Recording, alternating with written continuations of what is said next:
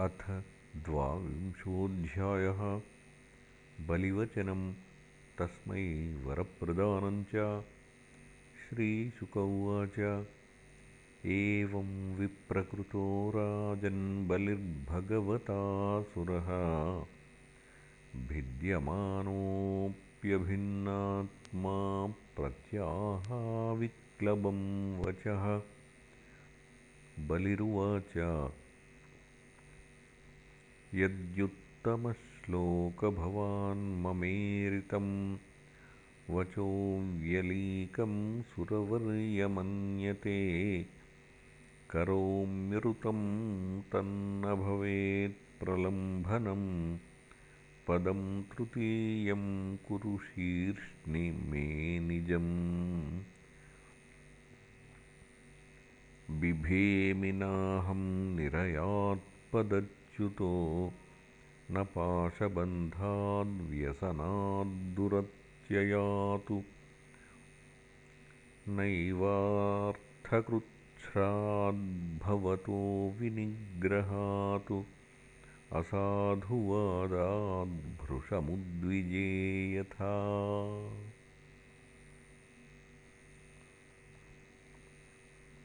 पुंसां श्लाघ्यतमं मन्ये दण्डमर्हत्तमार्पितं यं न माता पिता भ्राता सुहृदश्चादिशन्ति। त्वं नूनमसुराणां नः पारोक्ष्यः परमो गुरुः योनोऽनेकमदान्धानां विभ्रंशं चक्षुरादिशतु। यस्मिन्वैरानुबन्धेन रूढेन विबुधेतराः। बहवो लेभिरे सिद्धिं यामुहैकान्तयोगिनः तेनाहं निगृहीतोऽस्मि भवता भूरि कर्मणा बद्धश्च वारुणैः पाशैर्नातिव्रीडे न च व्यथे। पितामहो मे भवदीयसम्मतः प्रह्लादाविष्कृतसाधुवादः भवद्विपक्षेण विचित्रवैशसं सम्प्रापितस्त्वत्परमः स्वपित्रा।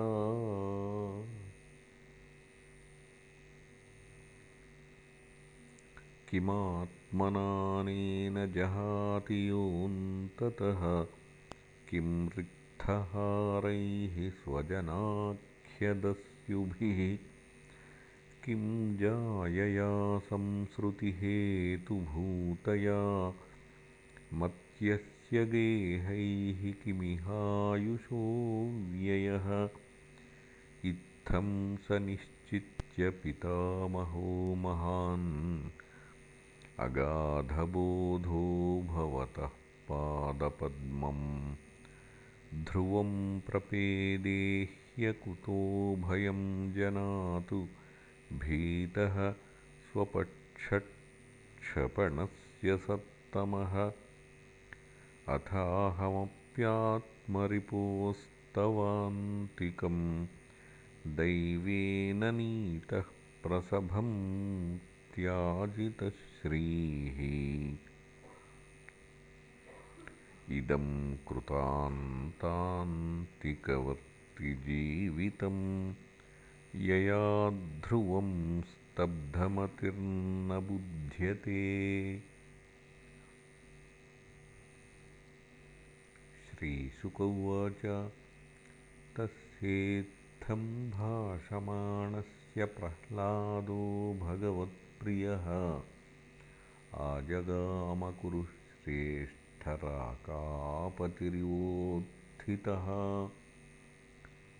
तमिन्द्रसेनः स्वपितामहं श्रिया विराजमानं नलिनायते क्षणं प्रांशुं पिशङ्गाम्बरमञ्जनत्विषं प्रलम्बबाहुं सुभगं समैक्षत। तस्मै बलिर्वारुणपाशयन्त्रितः समर्हणं नोपजहारपूर्ववत्। ननाममूर्ध्नाश्रुविलोललोचनः सव्रीडनीचीनमुखो बभूवः।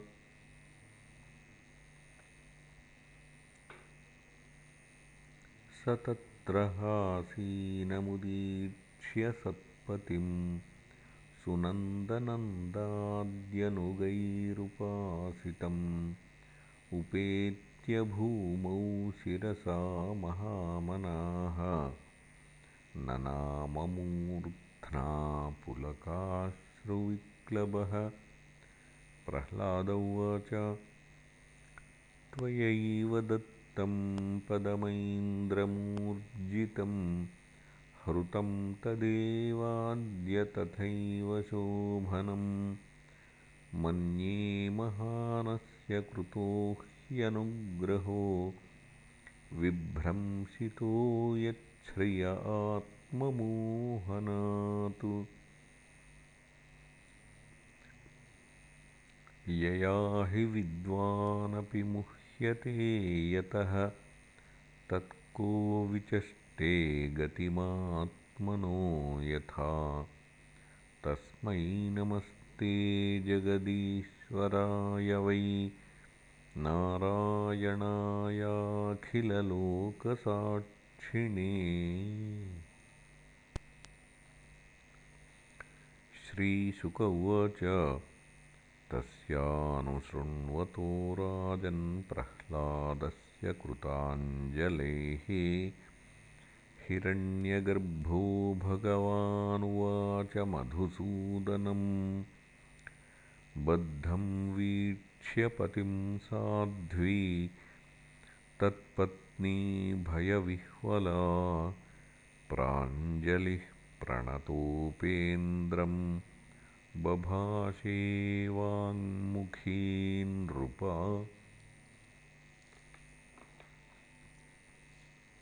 विन्ध्यावळिरुवाच क्रीडार्थमात्मनैदं त्रिजगत्कृतं ते। स्वाम्यन्तु तत्र कुधियोपरैषकुर्युः कर्तुः प्रभोस्तव किमस्यता वहन्ति त्यक्तः ह्रियस्त्वदवरोपितकर्तृवादाः ब्रह्मोवाच।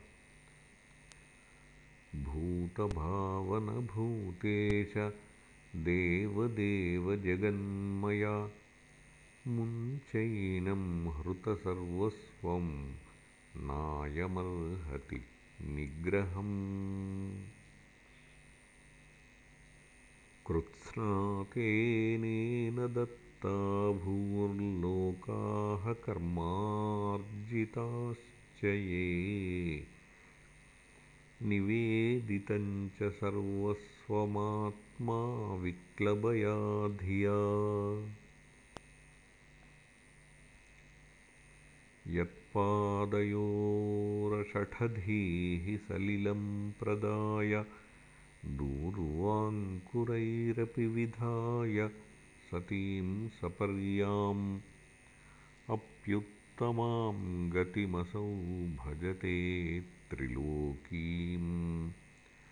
दाश्वानविक्लबमनाः कथमार्तिमृच्छेत्।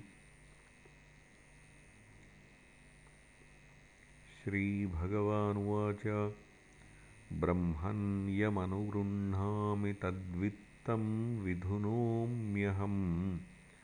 यन्मदः पुरुषः स्तब्धो लोकं मां चावमन्यते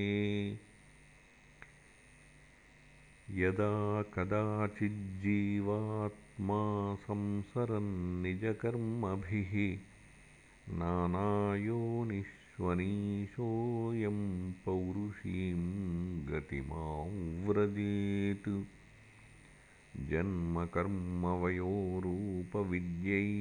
जन्मकर्मवयोरूपविद्यैश्वर्यधनादिभिः यद्यस्य न भवेत्स्तम्भस्तत्रायं मदनुग्रहः।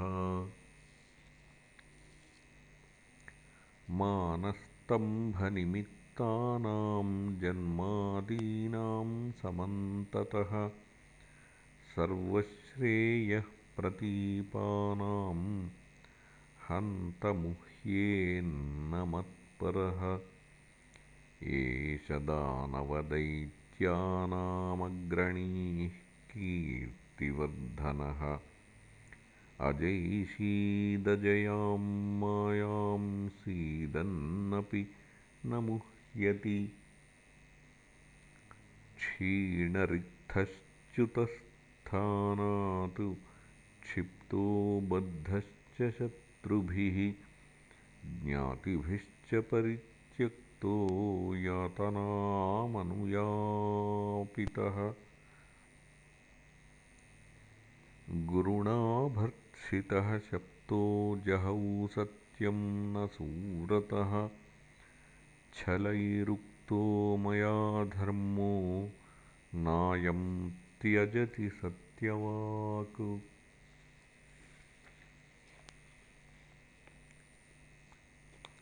एष मे प्रापितः स्थानं दुष्प्रापममरैरपि सावर्णेरन्तरस्यायं भवितेन्द्रो मदाश्रयः।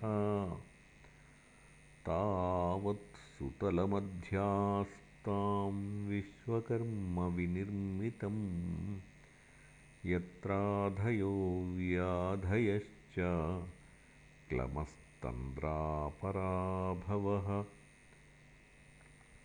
नोपसर्गा निवसतां सम्भवन्ति ममेक्षया इन्द्रसेनमहाराज याहि भो भद्रमस्तु ते। सुतलं स्वर्गिभिः प्रार्थ्यं ज्ञातिभिः परिवारितः न त्वामभिभविष्यन्ति। लोकेशाः किमुतापरे। त्वच्छासनातिगान् दैत्यांश्चक्रं मे सूदयिष्यति। रक्षिष्ये सर्वतोऽहं त्वां सानुगं सपरिच्छदम् सदा सन्निहितं वीर तत्र मां द्रक्ष्यते भवान्।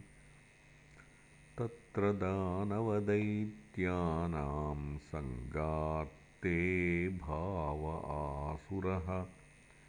दृष्ट्वा मदनुभावं वै सद्यः कुण्ठो विनङ्क्ष्यति इति श्रीमद्भागवते महापुराणे पारमहंस्यां संहितायाम् अष्टमस्कन्धे द्वाविंशोऽध्यायः